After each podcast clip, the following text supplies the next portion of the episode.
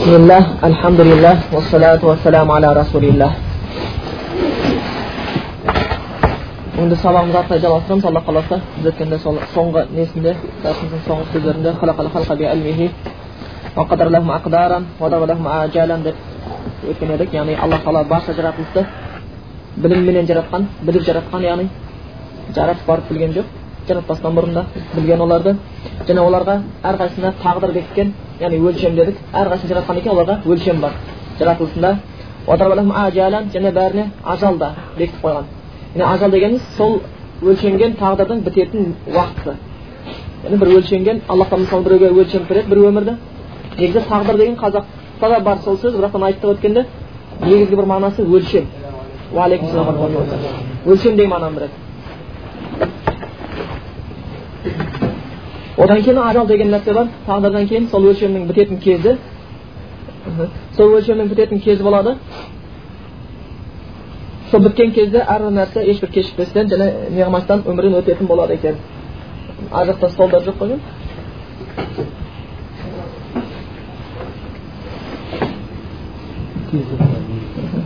ولم يخفى عليه شيء قبل أن يخلقهم وعلمهم ما هم عاملون قبل أن يخلقهم дейді аллах тағалаға жаратылысты жаратпастан бұрын еш нәрсе белгісіз емес еді дейді бәрі нәрсе белгілі болған жаратпастан бұрын олардың не істеп не қоятынын білмей қалған жоқ яғни оларды жаратқаннан кейін олардың не істейтінін не қоятынын қандай істер болатынын аллах тағала бәрін білген жаратпастан бұрын ақ аллах тағала жаратпастан бұрын адамдардың ішінде кәпір болатынын мұсылман болатынын білген аллах тағала жаратпастан бұрын сонша бүкіл жаңағы жаратылған жаңа біз галактика деп жүрміз ғой содағы жұлдыздардың бәрін қозғалысын білген алла тағала жарат соның бәрін жаратпастан бұрын құрттардың болсын жаңағы біз көрмеген моллюскалар болсын солардың қозғалысын әрине білген олардың не жейтініне дейін білген аллах тағала сондықтан олар жаратпастан бұрын солардың бәрін бекітіп қойған бұл аллах тағаланың сол құдіретіне ұлықтығына алып келеді біз ілгеріде сабақтарымызда естеріңізде бар шығар бір сондай зындық деп қоямыз ғой дінсіз бір кісі шығып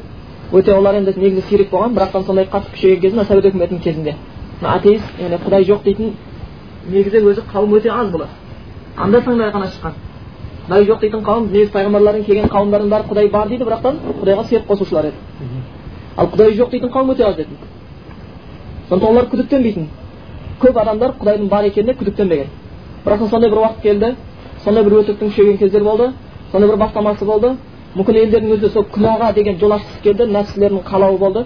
Яғни нәпсілері өздерінің нәпсі қалаулары олардың құдайына алып кеткен кездерде жаңағы адамды жаңағы құдай жоқ екен адам өзінен өзі пайда болыпты біздің атамыз горилла шешеміз шимпанзе деген кезде көбісі соған сене кетті да. Оп оңай мәселе олардың құдай жоқта емес еді солардың күнәдан еркіндік тапқысы келгендігінде еді да.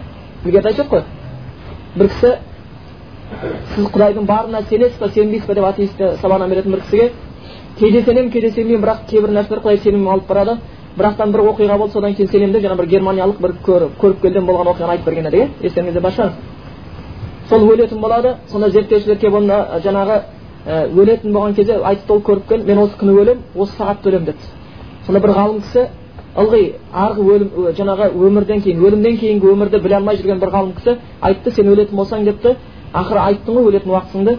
Бізге қайтадан жаның қайтып келсін де бізге оның етін хабарлап берсінші депті одан не бар екен соны айтып берсінші депті яғни ол нәрсе олардың қолынан келмес еді себебі бір хақиқат нәрсе өлгеннен кейін о дүниеге кеткеннен кейін ешкім қайтып келіп айтып бере алмайтыны. Сондықтан ол жайында пайғамбарларымыз айтып беріп отқан бізге. Аллахтың оларға иеліктері болсын. Сен жаңағы бізге айтып бер депті ол. Өлімнен кейінгі өмір жайында. Енді анау өзі көріпкел болса өзі тауып болса жынмен байланыс болатын болса ол жоқ демейді да оған атақ керек басқа керек иә депті бірақ ол өлген кезде оның келетіні әлбетте оның жаны емес еді жаны кетті шықты қайтып келмейді барзақ әлеміне кетеді ол сұрақта болады басқа да болады өзінің жаңағы аллахтың біз өткенде айтқан хадисіміздегі сияқты бірақтан ол көбінесе көріпкелдермен фалшылармен бірге болатын нәрсе не жын жын соларға айтып беріп отырады жүз өтіріктің ішіне бір шындықты қосып қойып сонымен елдерді сендіріп отырады екен. Есік жабылып қалған ғой. Сондықтан сол жаңағы сонда кейін өлген екен. Ана кісі ғалым кісі әлемдегі ғалымдарға хабарлама жіберіпті. Дүниежүзінің ғалымдарына жан жақтан келіндер осындай қызық болайын деп жатыр бір көріп келіп өлейін деп жатыр өлгеннен кейін рухын қайтып шақыратын болды содан біз интервью алатын болдық. Ана кісі өзі айтады көптеген ғалымдар дейді көптеген ғалымдар өз хаттарын жауабын жазып жіберді мен бұндай ойынға ондай күлкілі нәрсеге қатысқым келмейді бос нәрсеменен өзімнің басымды ауыртқым келмейді деді да ішінде бар да көбісі түсінгендер шындықты ғалымдар ішінде біреулер айтты қызық үшін келдік деді да қызық болсыншы енді не болса да көрейік деп біреулер сеніп келгендер де болған дейді өте аз мөлшерде бірақ сол келіпті уақыттарын белгілеп сонымен уағалейкум баракату сөйтіп ең өте бір сезімтал аппараттарды қойып жаңағыны қойған екен өлген денесін қойып қойыпты бір осы уақытта қайтамын деген осы сағаттарда қайтатын уақытын белгілепті сөйтіп соны күтіп жатқан екен ар жақта орындықтар жоқ па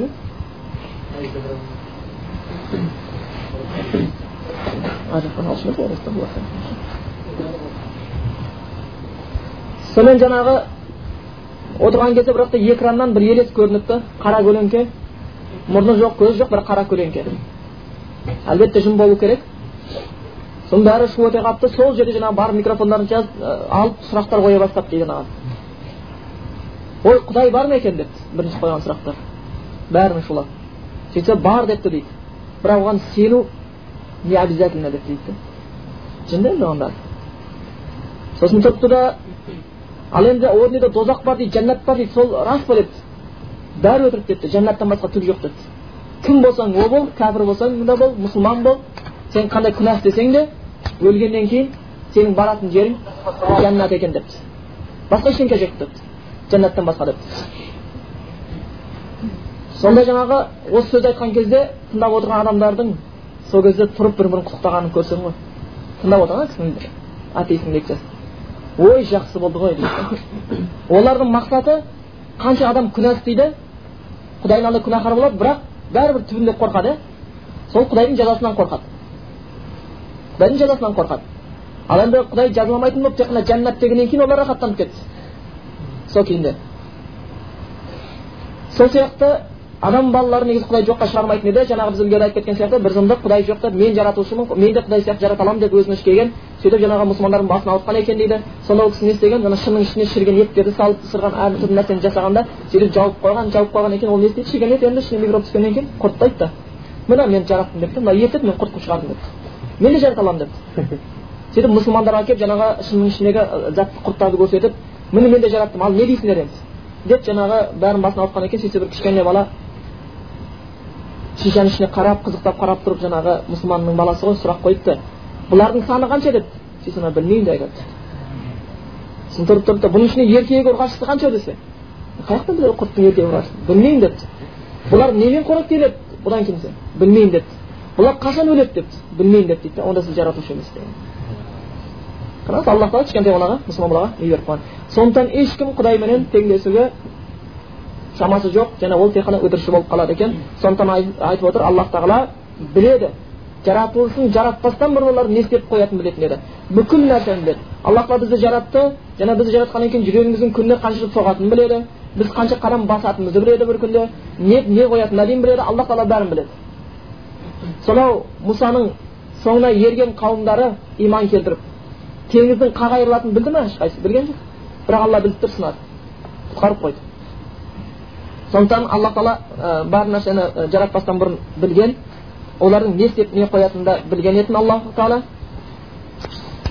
Ол жайында көптеген жаңағы тағдыр жайында да нелер бар. Біз бүкіл нәрсені өлшемменен жараттық деген. Яғни әрбір нәрсенің өлшемі бар. Кеткен кезде мезгіл жеткен кезде ол өлшем бітеді. Ажал жеткен кезде сөйтіп адамнан адам болсын қандай бір жаратылыс болсын өмірден кетеді. Бүкіл нәрсе жоқ болады жойылады аллахтан басқа деген. Сондықтан бүкіл нәрсе фәни екен. Одан кейінгісі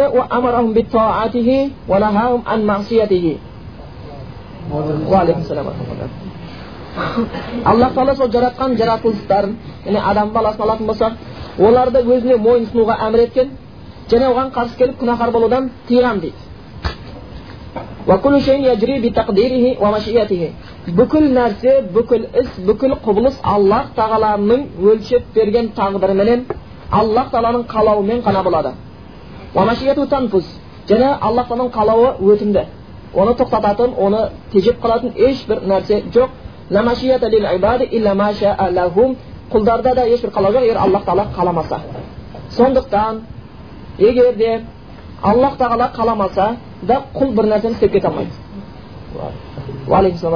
мұқтазила қадария сияқты қауымдар болған олардың ішінде не болған еді осы тағдырды жоққа шығаратындар болған иә аллах тағала жаратты бірақтан аллахтың шамасы келмейтін нәрселер болады дегендер болған жаңағы жахмия сияқтыларда яки болмаса алла тағала жаратты қадариялар сияқты одан кейін аллахтың шаруасы жоқ пенделермен кейбір істерді пенделер өздері жаратып алады құдайдың қалауынсыз қалауынсыз да пенделер істер істей береді мысалға күнәһар да құдай қаламаса да күнәні істей береді деген мақсатта келген бірақ аллах қаламаса дүниеде ешбір нәрсе болмайтынын білейік аллах тағаланың қалауынсыз ешбір нәрсе болмайды. Адамдардың да істеген ісі аллахтың қалауынан кейін ғана болады. Не нәрсені оларға қалаған болса ол болады да не нәрсені аллах тағала олар үшін қаламаған болса ол болмайды. Енді осы жердегі оларды тағатқа мойынсынуға бұйырған аллах тағала және оларды күнәдан қасарысудан қайтарған. Егер кімде кім аллахқа мойынсынса аллах тағала оны шынымен де мойынсынуға құлдарын бұйырған. Кім аллахқа мойынсынатын болса оның өзінің жақсылығыменен жәннатымен сүйіншілеген пайғамбарлар арқылы ал кім аллах тағалаға қарсы келетін болатын болса оған азап барын айтқан сол үшін алла тағала әрқашан тағат ғибратқа бұйырады және күнәдан қайтарады. Ол жайында аяттар бар екен.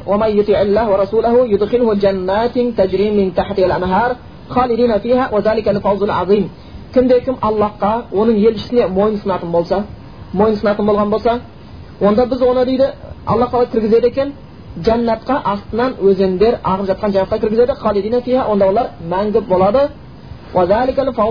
Міне осы нағыз үлкен ұлы табыс дейді. Негізгі расында ұлы табыс сол. Бұны да біреу табыс қылады үйтеді бүйтеді. Бірақ негізгі шын табыс ертең ақыретке барған кезде аллах тағаланың жәннатына кіру болып табылады алланың рахметіне бөленіп аллахтың жәннатына кіру бұл үлкен бір табыстардан ал одан да үлкен табыс аллах тағаланың дидарына қауышу аллахтың ғой ол күні бір жүздер құдайына қараушы болады дейді пайғамбар саллаллаху айтқан сендер шынымен де алла тағаланы көресіңдер анық көресіңдер деген ақыретте сондықтан ол ол жақта болады және айтты бұл үлкен бір табыс ал кімде кім аллахқа мойынсынбаса қарсы келсе оның елшісіне мойынсынбаса қарсы келсе оның жаңағы әмірлерін сақтамаған болатын болса аллах тағала оны дейді дозаққа кіргізеді халидан фиха онда мәңгі қалады онда оны қор етуші азап бар деген екен дейді сондықтан аллах тағала жаратты және оларды тағат құлшылыққа бұйырды кім құдайдың тағат құлшылығына орындаса аллах оларды жәннаттық етеді кім егер оларды орындамайтын болатын болса оларды дозаққа етіп қояды сондықтан бұл не келгеннен кейін хадис құдыста келеді ғой. Аллах айтады егер сен бір күнә істейтін болсаң дейді. Оны аллах та сол күнә үшін жазалайтын болса дейді. Онда сені сол күнәдан құтқарып қалатын бар ма дейді?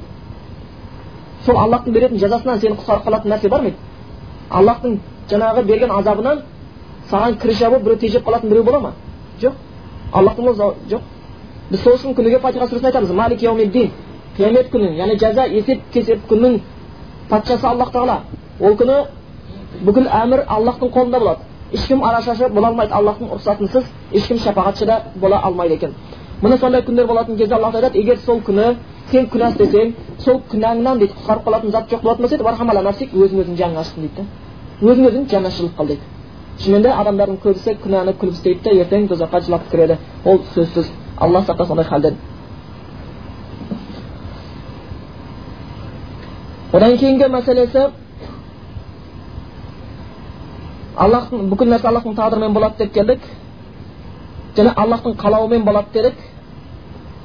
Аллахтың қалауынсыз еш нәрсе болмайды. Және аллах қалаған пендесін адастырып қалаған пендесін өзінің тура жолына салып қояды деген екен жаңа аят бар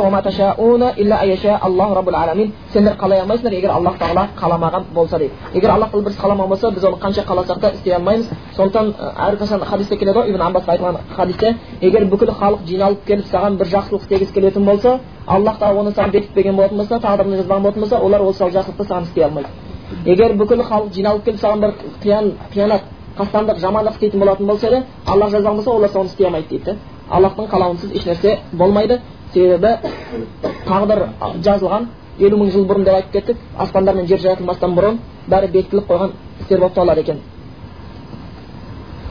يهدي ما يشاء ويعصم ويعافي فضلا ويذل ما يشاء ويخذل ويبتلى يبتلي يبتلي عدلا аллах тағала қалаған пендесін тура жолға салады және оны барша адасу мен қателіктерден қорғайды өзінің фазилетіменен кеңшілігінің арқасында және біреулерді адастырады оларды қор етеді сынап жазалайды. Әділдігіменен дейді. Әділдігіменен себебі ол адамдардың өздері соған лайықты болғандықтан. Сондықтан бүкіл нәрсе аллах тағаланың теңшілігі менен әділдігінің арасында болады екен. Сондықтан ертең де аллах тағала біреуді жәннатқа кіргізетін болса біз оны өз еңбегімізбен кірді деп айта алмаймыз иә егер біз таза өз еңбегімізбен жәннатқа кіретін қажеттілік туындайтын болса онда ешқайсымыз кіре алмас едік пайғамбарымыз хадис бар. Сендердің ешқайсыларыңның істеген амалдарың жәннатқа кіргізе алмайды деген. Сізді ше деп сұраған кезде мені де деп айт берген. Мені де деп айтқан. Осы жерде бір нәрсеге естеріңізге жаңа айтып кетейін. Пайғамбарымыз саллаллаху алейhi вассалам аллахтың халал дегенін халал ететін еді харам дегенін харам ететін еді. Аллахтың бұйрығыменен амал құлшылықтар жаса деді аллах тағала айтқан біз сені адасқан халде таптық тура жолға салдық дейді пайғамбар саллаллаху айтқан егер аллах тағаланың сондай жәбел періште арқылы уахиы пайғамбарымызға түспегенде еді ол да бәрібір өзін де өзгелерді де тура жолға алып бара алмас еді яғни тура жолға салатын аллаху тағала міне сондықтан ондай болатын болса сондай аллахтың әмірін баршамыздан артық түсінуші барша адамдардан артық түсінген пайғамбар және сол раббысына құлшылық еткен шүкірлік еткен аяқтары піскенше нәпіл намаздарда болған пайғамбарымыз саллаллаху бізге бұйырған істерін істеп бітпей жатып тура сол күйінде пайғамбарымыздың істегендей дәл өзіндей істесек те біз кіре алмаймыз амалдарымызбен жәннатқа енді пайғамбардың істемеген істеріменен жәннатқа кіргісі келетіндерге қайран қаласың осы кезде пайғамбарымыздың істемеген істеріменен жәннатқа кіргісі келетіндерге бірінші сондықтан бір нәрсе бар пайғамбарымыз істемеген істерін негізі бидағат деп шариғатта айтады пайғамбарымыз хадис бар әрбір бидағат адасушылық егесі тозақта деген сондықтан бір нәрсе есіңізде болсын кімде кім сүннеттен мықты ұстағысы келетін болса ол бидағаттан алып жүре алмайды да бидағат тастап қояды кім бидағатты істегісі келетін болса ол міндетті түрде сүннеттен кемшілік істейді міндетті түрде екеуінің басы бір қазанға сыймайды естеріңізде болсын екеуінің басы бір қазанға сыятын нәрсе емес сондықтан кім таза сүннетпен жүремін дейтін болатын болса ол бидағатты сөзсіз тастайды бидағаттан алыстайды ал кім бидағатты да істеймін сүннетті істеймін дейтін болса сүннеттен міндетті түрде кемшілік көреді. Сондықтан бидағат істеушілердің көбісі сүннеттен кемшілік көріп жатқанын көреміз. Олар өздерінен бір ә, пайғамбарымыздың шариғатында аллахтың кітабында пайғамбарымыз сүннетінде көрсетілмеген құлшылық ғибадат түрлерін ойлап табады да сонымен барынша құдайға құлшылық істейді. Тіпті аллахтың бұйырған парыз ғибадаттарынан да гөрі сол нәрселерді артықша істеп жатқанын көресің да. Сол нәрсені артықша істеп өздерінің ойлап тапқан құлшылықтарын құдайдың бұйырған құлшылығынан да артықша орындап жатқан адамдарды көресің. Егер де біз құдайға құдайдың өзінің көрсеткендей құлшылығыменен артық құлшылық істемейтінімізді білуіміз керек. Сондықтан егер де солар бірінші пайғамбарымыздың сүннетінде келген істерін егер толық істеп біткен болса еді басқаларға уақытта таппас еді. Да басқа нәрсеге уақытта таппас еді. Пайғамбарымыздың қаншалықты зікірлері бар жатқанда тұрғанда азаннан кешке дейін сол бір жаңағы муслимдерді мұсылман қорғанын жаттап шықсыншы сондықтан соны жаттап шығатын болса еді қанша зікірлер қанша ішінде шүкірліктер жатқан болып табылатын еді сондықтан егер де біз дүниеде бір құлшылық істейтін болсақ ол құлшылығымызбен жәннатқа өз еркімізбен кіріп кете алмаймыз егер алла рахым етпесе жаңа пайғамбар айтқандай мен де кіре алмаймын егер алла рахым етпесе деген екен аллахтың жәннатқа біз кіреміз кеңшілігімізбенен бірақ жәннаттың ішіндегі ізгіліктерге дәрежелерге істеген амалымызға қарай жетеміз біреу аллахтың разылығын құран жаттапты құранды көп жаттапты оның соңғы дәрежесі соңғы оқыған аяты біреу аллах жолында шahid болып кетті оның дәрежесі бөлек біреу алла үшін ораза ұстады онда ол райян деген есіктен кіреді дәрежесі бөлек сондықтан жәннатқа алланың рахметімен кіреміз бірақ жәннаттың ішіндегі нығметтерге өзіміздің істеген амалдарымызға қарай жетеміз жәннаттың ішіндегі дәрежелігі солай екен сондықтан жәннатқа алланың фазилетіменен рахметіменен кеңшілігіменен кіреді екенбіз да енді біреулерді аллах тағала тозаққа кіргізсе оларды ашуынан емес оларды жақтырмай қалғандығын үшін емес. Оларды әділдікпен кіргізеді оларды әділдікпенен тозаққа кіргізеді. Яғни бұл жерде егер біз біреуді қатты сөксек біреуді ұрып қойсақ кей кезде ашумен ұрып жібереміз дұрыс қой? Өзімізді ұстай бірақ аллах тағала қылмыскер қауымды тұзаққа кіргізеді өзінің әділдігіменен себебі олар сол жазаға лайықты болып табылады екен.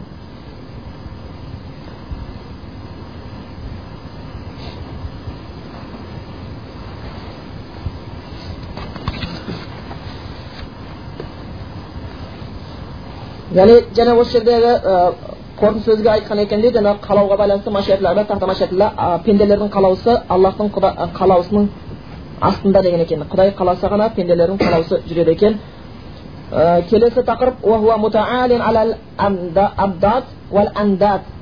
لا رد لقضائه ولا معقب لحكمه لحكمه ولا غالب لأمره аллах тағала барша бір қарама қайшы нәрселерден қарсы келген нәрселерден болмаса өзіне ұқсас нәрселердің бәрінен таза ұлық дейді яғни аллахқа қарсы келе алатын нәрсе жоқ аллахқа қарсы келе алатын нәрсе жоқ біз әрқашан оны ықылас сүресін оқимыз иә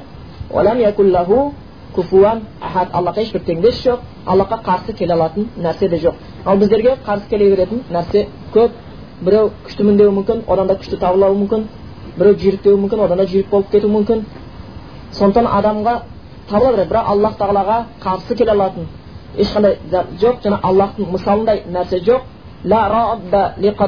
Алланың үкіміне шешіміне қайтарушы тойтарушы ешбір нәрсе жоқ. Аллахтың да сондай әмірінен үстем болушы өктем болушы ешбір нәрсе жоқ екен. Осы жерде құранда да айтып кеткен алла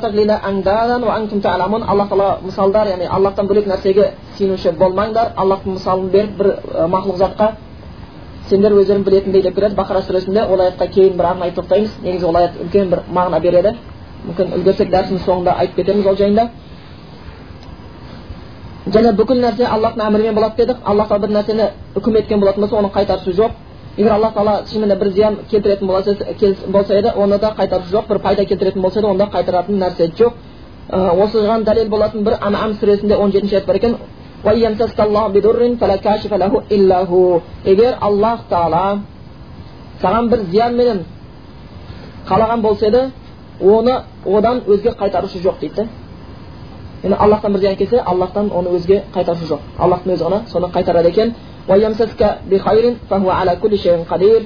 Егер бір жақсылық қалайтын болса еді аллахтың құдіреті бар нәрсеге жетуші деп келеді сондықтан аллахтың қалағаны болады екен пенденің қалағаны аллахтың қалауынсыз болмайды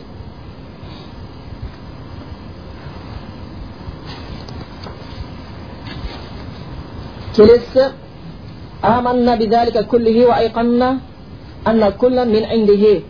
осының бәріне сендік және айқанна дейді айқын сендік яғни бір бізде де осы айтады айқын деген сөз бізде қолданады ол өзі арабтың сөзінен келген яқин деген сөзінен келген яқин анық сенімнің жоғарғысы таза бір ешқандай күмән жоқ сенім дейді осы жоғарыда біз айтып кеткен нәрселер яғни бірнеше мәселелерді айтып кеткен едік аллах тағала ұқсас жоқтың сипатына байланысты аллахтың сондай бір жалғыздығы оның теңдесі жоқ деген сияқты аллахтың барша сипатына байланысты айтып кеттік яғни оған ешқандай бір күмән жоқ соған сендік деп келеді расында мұсылман аллахқа күмәнсіз сенуменен мұсылман болады сондықтан имандағы бірінші парыз аллахқа иман келтіру болып табылады. Абу бәкір сыдықтың сондай сыдық деген атқа ие болудың өзі аллахқа оның елшісіне ешбір күмән келтірмесең сенді оның иманда ешбір шек күмән болған жоқ.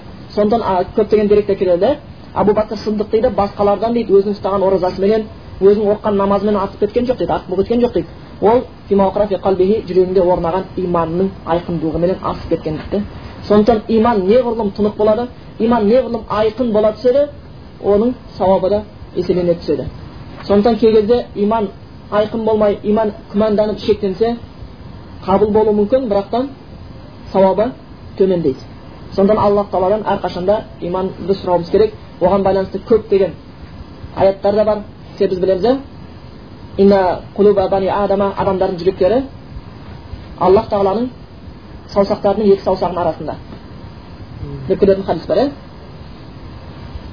осы хадисті мысалға қазір біреу осы хадис айтқан кезде мына нәрсе есте сақтаңыздар. Мысалға біз айта біз айтып бердік аллах тағалаға мысалындай аллахқа ұқсас нәрсе жоқ. Бүкіл жаратылыс аллаға ұқсамайды аллах тағала өзінің жаратылыстарының ешбіріне ұқсамайды. Деді осы кезде біреу осы хадисті айтып жатқан кезде көп нәрсе кездеседі ескертіңіздер. Адамда бір қателік. Адамдардың жүрегі аллахтың саусақтарының екі саусағының арасында деп саусағын бүйтіп көрсетіп жататындар болады бірден тоқтатыңыздар. Ол ұқсатып жатыр алланы біз айтқанбыз алла ұқсамайды ешнәрсеге бұл үлкен күнә болады. Сондықтан мұсылмандардың ішінде басқа топтар пайда болған иә? Аллахтың түсу сипатын жоққа шығаратын аллахтың аршыға орнығу сипатын жоққа шығарушылар болған. Неге? Олар аллахтың осы сипаты айтылған кезде бірден адамға ұқсата бастайды да сөйтіп біз аллахты пәктейміз кемшіліктен пәк етеміз деп ол сипаттарын жоққа шығарады аллах тағала түседі десек онда біз аллахты адамға ұқсатқан болып қаламыз дейді түсетін адам дейді оны біз айтамыз алланың рахметі түседі деп айтамыз әрбір түнде деп айтамыз дейді себебі аллахтың түседі деген хадисіне қарама қайшы пікір айтады аллах түседі сөз жоқ күмән жоқ аллах аршыға орнықты күмән жоқ бірақ өзінің ұлықтығына тән сипаттан сондықтан адамдарды осы жердегі хадисте біз тоқтап айтып кетқанымыз сол аллахтың сипатына байланысты әрқашанда ана аятты есте сақтаңыздар. Алла тағаланың ұқсасы жоқ ол естуші көруші деп келеді. Осы жерде есту көру сөзін айтып кетіп жатыр. Әдейілеп аллах тағала аятта есту деген кезде бізге құлақ елестемеу керек көру деген кезде бізге көз елестемеу керек. Себебі алла тағала аяттың басында айтып кетті не деп кетті? Ұқсас жоқ деді. Сондықтан адамдардың да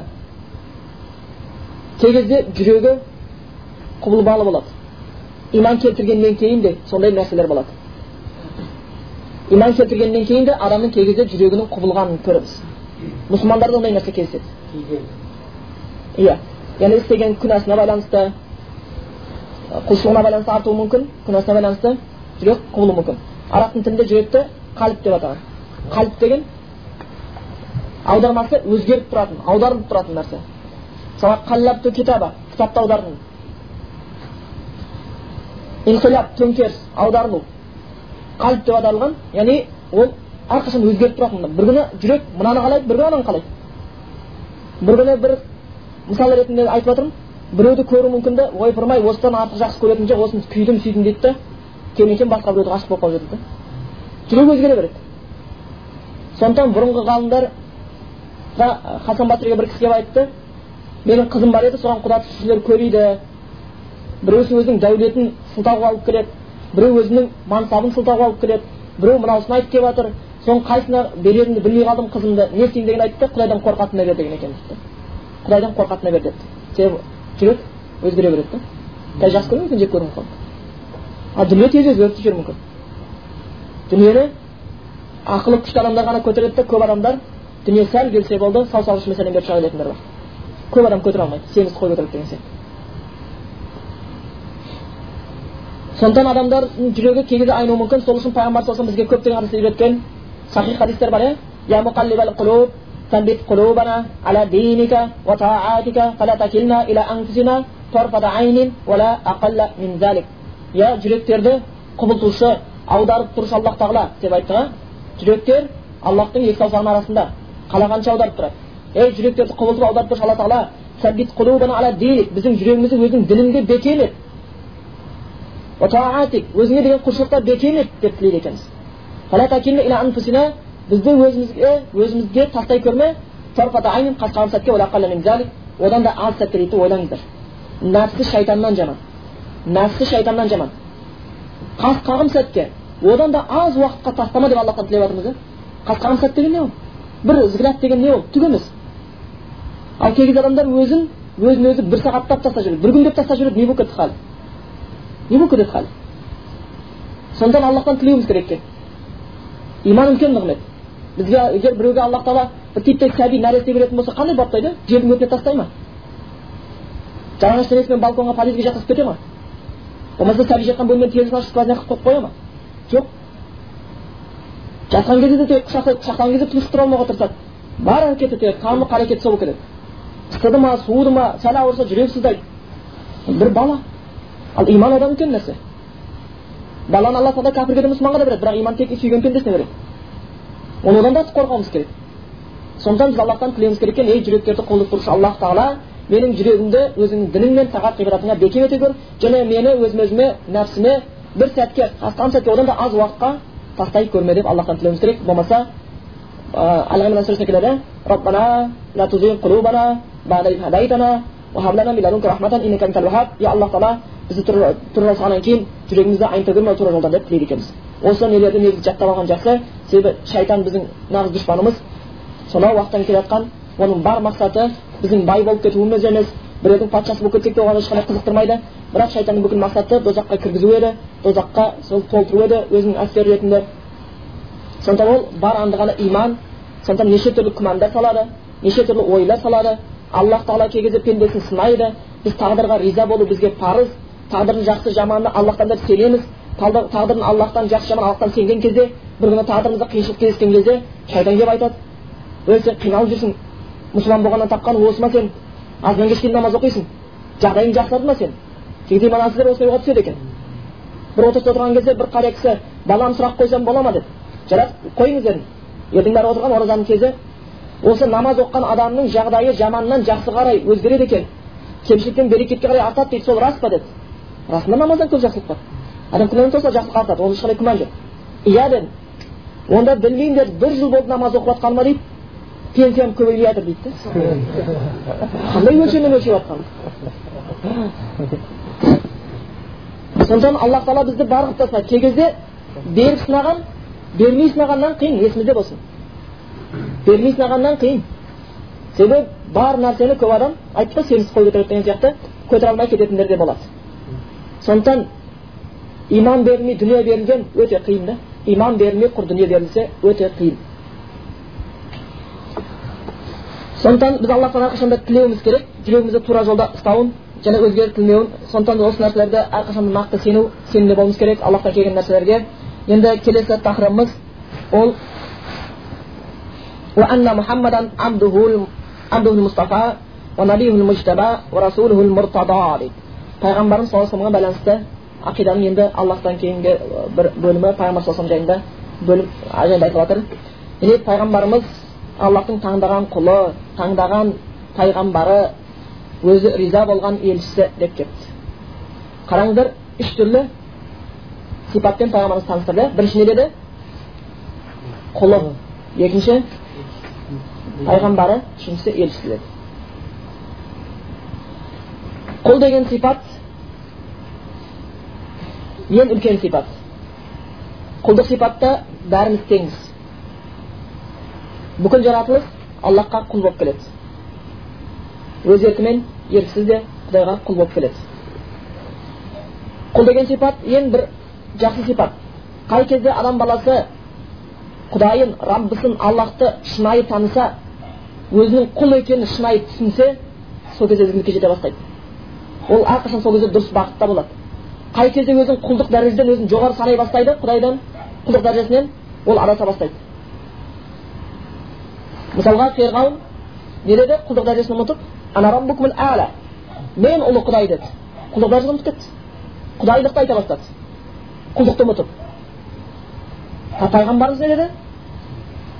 Саллаллаху вассалам ол кісі айтты لا تطروني كما أطرت النصارى ابن مريم إنما أنا عبد فقولوا عبده ورسوله عبد الله ورسوله мені анау насранилер сияқты мариямның ұлы исаны мақтағандай шектен шығып мақтап жіберіп жүрмеңдер бірақ мен құлмын деді айтыңдар алланың құлы және елшісі деп айтыңдар деді сонда біз көбінесе бір шахадаттарда көбінесе айтамыз абдуху ва расулу деп абд деген сөзін құл деген сөз бірінші келтіреміз құл деген сөзді бірінші келтіреміз сондықтан құлдық мәртебе бір жақсы жері баршамызға берілген мәртебе пайғамбарлық елшілік ол әркімге берілмейді аллахтың таңдаулы құлдарына берілген өзі таңдаған құлдарына бірақ құлдық мәртебеде баршамыз теңбіз себебі оған байланысты аяттар бар айт ей пайғамбарымыз айтады алла тағала айт мен сендер сияқты адаммын деп айт дейді сондықтан құлдық мәртебеде баршамыз білеміз пайғамбарымыздың бірінші сипаты ол құлдығы. Сондықтан пайғамбарымыз аллахқа өзін құлмын деді. Расында мен құлмын айтыңдар аллахтың құлы және елшісі деп айтыңдар деді. Ал пайғамбардың мәртебесі жоғары мәртебе болды. Перғауын айтты мен құдаймын деді.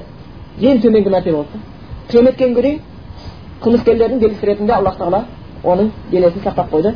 Ең бір қиын азаптарға қазірдің өзі азаптарда болады қатты азаптарда кейін ашаддал азап деп келеді ғой ең қатты азаптарға салынады дейді сондықтан қай кезде адам өз құл екенін түсіне бастаса құлшылығын орындай бастауға мүмкіндік туа бастайды құл деген сөз бізде қолданады иә бірақ та бізге кей кезде мынау құл үйленші заманмен сол кезде құлмен салыстырғанда құдайдың құлы деген сөз адамның құлы емес burada.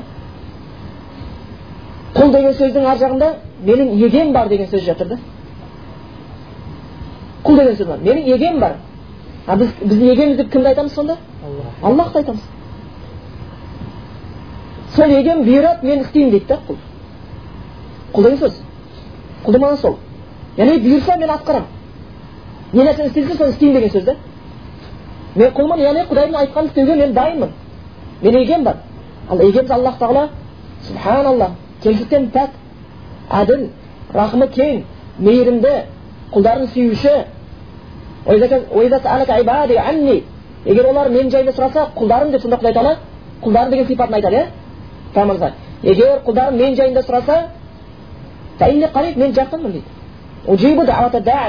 тілеушінің тілегін беремін дейді тілегіңіз қабыл ететін біздің егеміз аллах тағала бар екен иншалла сондықтан пайғамбардың бірінші сипаты ол құлы деп келеді таңдаулы екіншісі нәби нәби деген сөз бізде енді пайғамбар деген сөзбен қолданылады бірақтан ол дұрыс негізі пайғамбар деген сөзбен қолдануы пайғамбар деген сөз бізге қазақтарға парсың тілінен келген пайғамбар деген парсың тілінде хабар жеткізуші деген мағынада келеді сол күйінде біз аламыз ал расул деген сөз бізде өзіміздің тілде елші деп аударыппыз ол да дұрыс яғни жүруші елшілік етуші алла тағаладан бізге жеткізуші бірақ осы жерде құл деген сөз барша адамға тиесілі сөз дедік иә ал енді пайғамбар деген сөз ол аллахтың таңдаған құлдарына ғана тиесілі сөз бәрі пайғамбар бола алмайды барлық адам құл бола алады бірақ барлық құл пайғамбар бола алмайды енді расул деген бар пайғамбар деген нәби деген сөз иә есіңізде шатаспайық нәби пайғамбар біз араб тіліндегі нәби сөзін пайғамбар деп алып жатырмыз яғни барлық адамдар құл бола алады бірақ барлық адамдар нәби бола алмайды енді осы жерде расул деген сөз бар елші барлық расул ол нәби пайғамбар бірақ барлық пайғамбар елші бола алмайды байқап жатсыздар ма барлық адамдар құл бірақ пайғамбар бола алмайды пайғамбар бола алмайды яғни пайғамбар ол одан жоғарғы сипат екен ал енді расул деген сипат елшілік елші деген сипат пайғамбарлықтан жоғары сондықтан барлық пайғамбарлар елші емес барлық елші пайғамбар болуы мүмкін бірақ барлық елші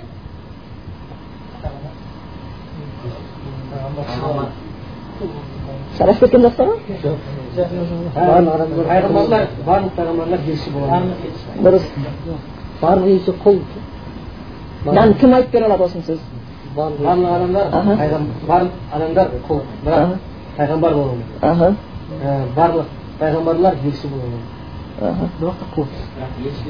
барлық барлық пайғамбарлар құл бірақ елші бола алмайды иә елшілердің бәрі пайғамбар елшілердің бәрі пайғамбар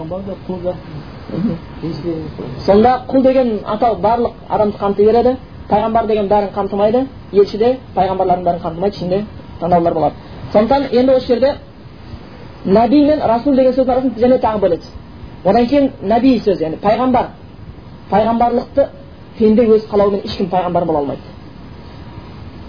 ол бір олимпийский көрсеткіш емес чемпион мира болу үшін біреу тренировка істеуі мүмкін бірақ пайғамбар боламын деп ешкім тренировка істей алмайды еш уақытта бұл аллахтың таңдауыменен болады сол үшін мұстафа мүштаба аллахтың таңдауымен ғана пайғамбарлар пайғамбар болады кейбір аты есімнен тұр бір яхудиден бір ғалым кітап жазыпты. Пайғамбарлық деп. Пайғамбар әркімнің қолынан келуге болады депті. Енді бұл нағыз шайтанның ісі. Бірақ өзі пайғамбар болмапты дейді неге болмайды? Пайғамбар сөйтсе одан сұрақ қойды тура сөйтіп енді сіз өзіңіз неге пайғамбар болмайсыз? Соның бәрін біледі екенсіз ғой депті. Бүкіл құлықшылықты біледі екенсіз пайғамбар болуды депті. Неге бола алмайсыз пайғамбар айтады дейді ондай бос нәрсемен айналысқым келмейді деп айтады дейді қаншалықты надан да шайтан ол нағыз шайтан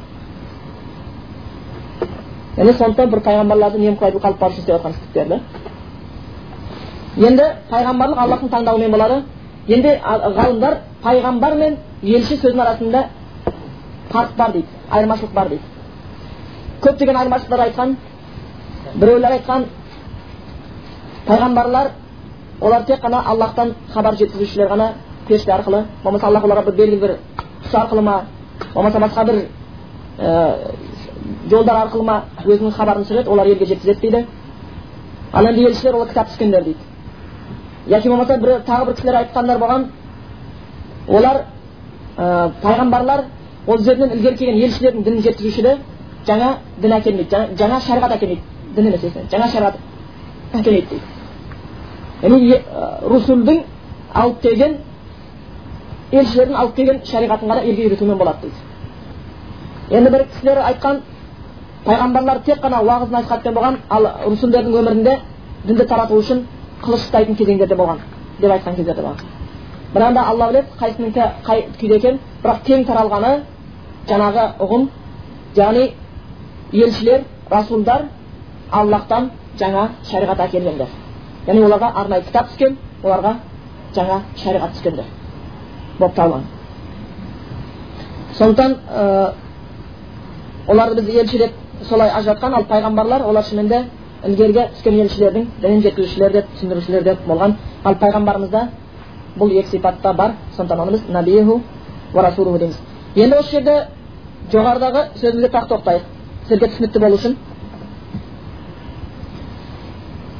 Құл деген сөз жалпы сөздерге барлық адамды қамтиды дедік наби деген сөз бәрін қамтымайды дедік бірақ наби деген сөз елшілерді русулдардың бәрін қамтып кетеді русулдар соның ішінде сондықтан наби деген сөз кең қолданады да нәбилердің ішінде русулдар бар соны кең қолданымда сондықтан пайғамбарымыз елшілердің де нәбилердің де соңы бұл кейін пайғамбарлық жоқ келмейді бірақ өтірік, өтірік, өтірік пайғамбарлар шыға беретін және деректер бар бір хадисте саласин деп келеді отызға жуық мен пайғамбармын деп шығатындар болады деген да отызға жуық адам мен пайғамбармын деп шығатындар болады пайғамбарымыз көзінің тірісінде шыққандар да бар мысалы мусайлама кәззаб деген сияқты бірақ олардың өтірігі бірден білініп қалатын болған оның есімі кәззап болып кетті да өтірікші одан кейін қанша өзінің пайғамбарым деп шыққандар болды тек қана ислам дінінде емес басқа дінде де өзінің пайғамбары шыққандар бар бірақ оларды ешқайсысын білмейміз иә тек қана мазаққа күлкіге кетіп қалады және осы жерде кейбір ғалымдар айтады кімде кім дейді да мен құдаймын деп шықса дейді енді біреу мен пайғамбармын деп шықса дейді кейбір ғалымдар айтады мен пайғамбармын деп шыққанның күнәсі мен құдаймын деп шыққанның күнәсінен ауыр дейді да неге десең дейді да мен құдаймын деп шыққан кезде көп адам сенбеуі мүмкін дейді да е қойшы. Пайғамбармын деп шықса біреу? Сеніп қалуы мүмкін да. Иманы әлсіз болатын болса. Бар ғой қазір шығып жатқандар пайғамбар. Иса пайғамбар да мен мәхди да мен ана біздің пайғамбар да мен болдым деп шығып жатқан топтар бар ахмадида сондықтан ол қауіп дейді да. Сондықтан қазір бірақ мен құдайым деп шыққандар да бар қазіргі кезде кім еді? Фархат. Мен деп шықты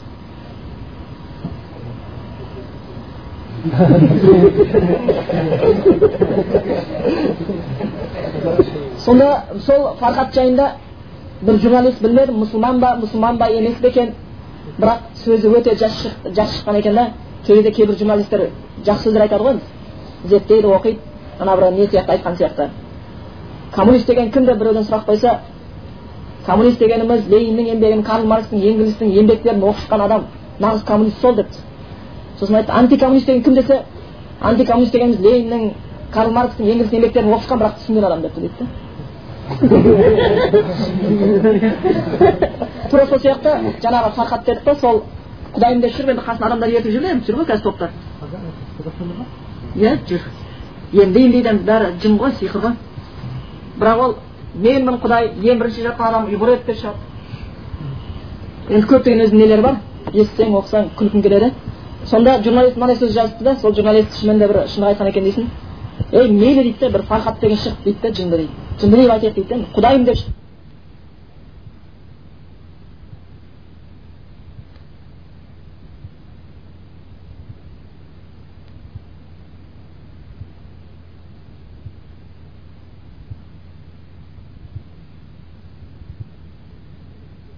өзін құдайым деп жүрген үшін дейді ақыл бір жері кем болуы мүмкін ақылында дейді бірақ менің түсінбейтінім дейді жан жұмас айтады соның соңында оны құдай деп жүргендерге деп айтады дейді соларға түсінбейді оларға не болды дейді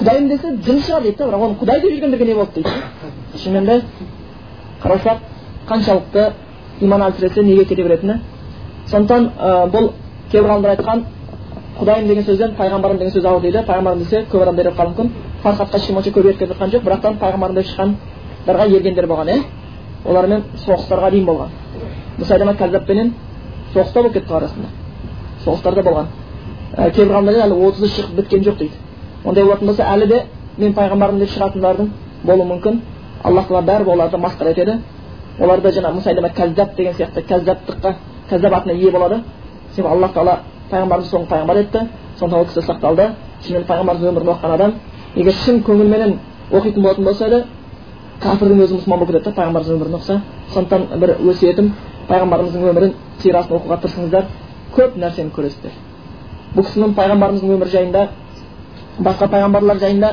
кішігірім деректер бар иә мысалы иса пайғамбар жайында біліп кел деп қазір біреу жіберетін болса христиан жайында иса пайғамбар туралы маған анық яркий нәрселер алып келші десем нақты туған жылын айтып келіп бере алмайды саған. Нақты дерек айтып бере алмайды. Оған только чудесное рождениесін айтып беруі мүмкін. Сосын ана смерть айтуы мүмкін жаңағы крестке неған адамдар үшін жанын қиды деп. Сосын баланың балықшыларға барған уағызын айтуы мүмкін хабарийлерге соған байланысты өзінің шәкірттерін айтуы мүмкін. Соныменен тақырыптар бітеді. Бүкіл христиан кей кезде рухын көтеріп ұстап тұрған нәрсе иса біздер үшін жанын қиды деген нәрсе да чудесный рождение біз де білеміз біз де кітапта білеміз біз де аллахтың елшісі исаға иман келтіреміз ол кісінің аллахтың елшісі болғанын біз нақты білеміз пайғамбар келген дінін таратты қиындықтар көрді қарсы шыққандар болды оны біз де жақсы білеміз тіпті кей кезде мұсылмандар олардан гөрі иса жайында көбірек біле ма деп ойлайсың да және құрметпен қарайды ал енді пайғамбарымыз жайында деректі жазып келу керек болатын болса қанша хадистер бар иә хадис деген пайғамбарымыздың айтқан сөзі бұйырған істері сахабаның істегенін дұрыс деп айтқан кездері ол бір имам ахмадтың өзі альфу хадисіне келеді. Миллион хадис жатқа білген миллион хадис. Бұхарилер муслимдер термизилер нисаилер қанша деген пайғамбарымыз жатыр біз пайғамбарымыздың қазір жақсы көретін тамақ қандай еді деп сұрасақ мұсылман оқып жүрген адам болатын болса айтып бере аламыз дұрыс па? Иә. Егер пайғамбарымыз қалай ұйықтайтын еді деп айтсақ айтып бере аласыздар ма? Пайғамбарымыз саллаллаху алейhi дәретті қалай сындырады еді десе айта аласыздар ма? Айтасыздар пайғамбарымыз сөйлегенде қалай сөйлейтін еді? Айта аласыздар. Пайғамбарымыздың табаны қандай еді? Қолы қандай еді? Сақалы қандай еді? Көзі қандай еді? Сөзі қандай еді өзі қандай еді бүкілін біз айтып бере аламыз. Неге? Сақталған. Кейбір деректер жылы күні айлын айтып бере аламыз. Қай намаздың уақытында қай кезде не істеді не қойды? Пайғамбарымыздың тарихында болған адамдардың бәрі тарихта сақтаулы халид ибн валид тек мұсылман ретінде емес.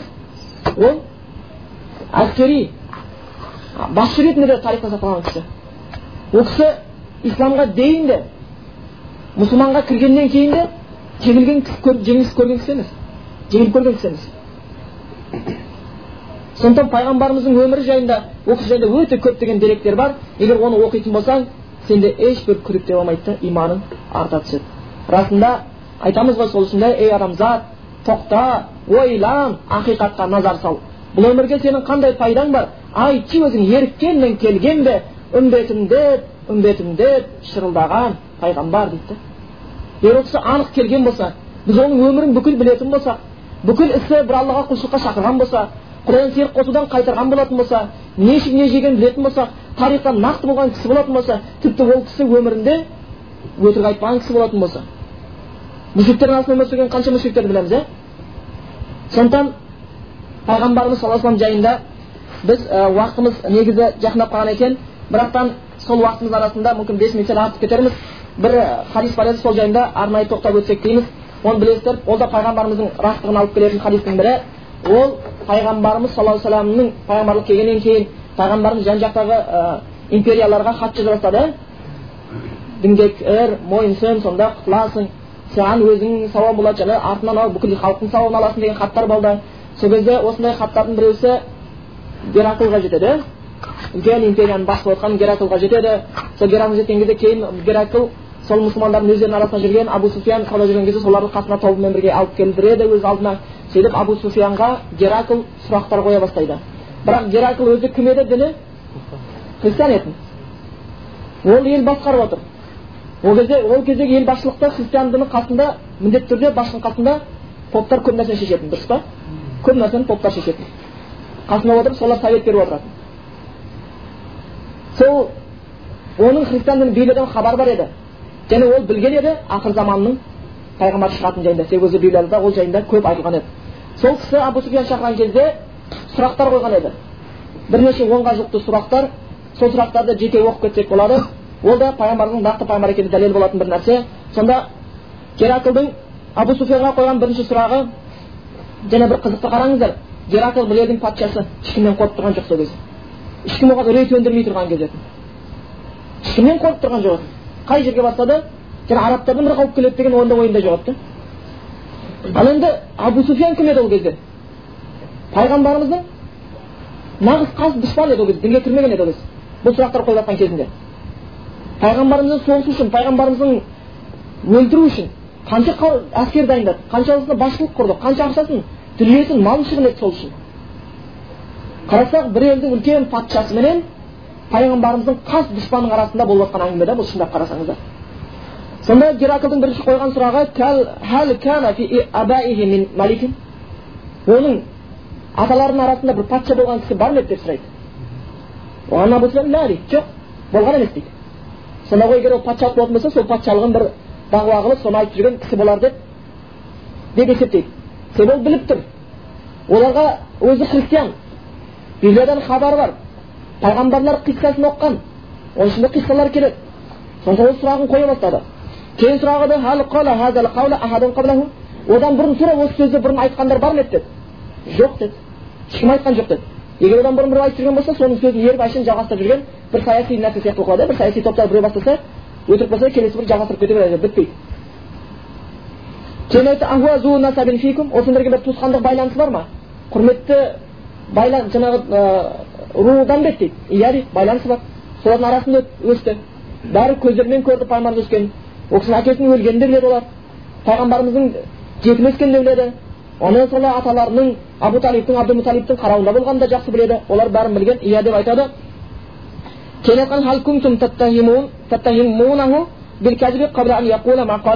сендер осы айтып жүргеннен бұрын оны бір өтірікпенен танитын ба едіңдер дейді да айыптаушымен бір өтірігін көргенсіңдер ма дейді жоқ дейді негізі пайғамбарымызды амин деп атаған кімдер еді сол мүшриктердің өздері еді дұрыс па сол пайғамбарымыз саллаллаху алейхи уассалам пайғамбарлық келіп алла тағала оған туысқандарын дінге шақыруды бұйырған аят түскен кезде жарияты пайғамбарымыз сонау сафаның төбесіне көтеріліп бүкіл сол базарда жүрген бәрін айқайлап адамдар ей адамдар деп қасына шақырады бәрі жиналған кезде бірінші айтқан сөзі не болған еді егер мына қырдың басында сондай қарулы әскер топталып қыламыз деп айтсам сенесіңдер ма деген кезде сенеміз деді сен сенің өтірік айтқаныңды көрген емеспіз деді сенеміз деді да бірақ кейін не істеді қаш қаш шықты абу жахил пайғамбар айтқан сен өтірік айтып жатсың деп айтпаймын деген да пайғамбарға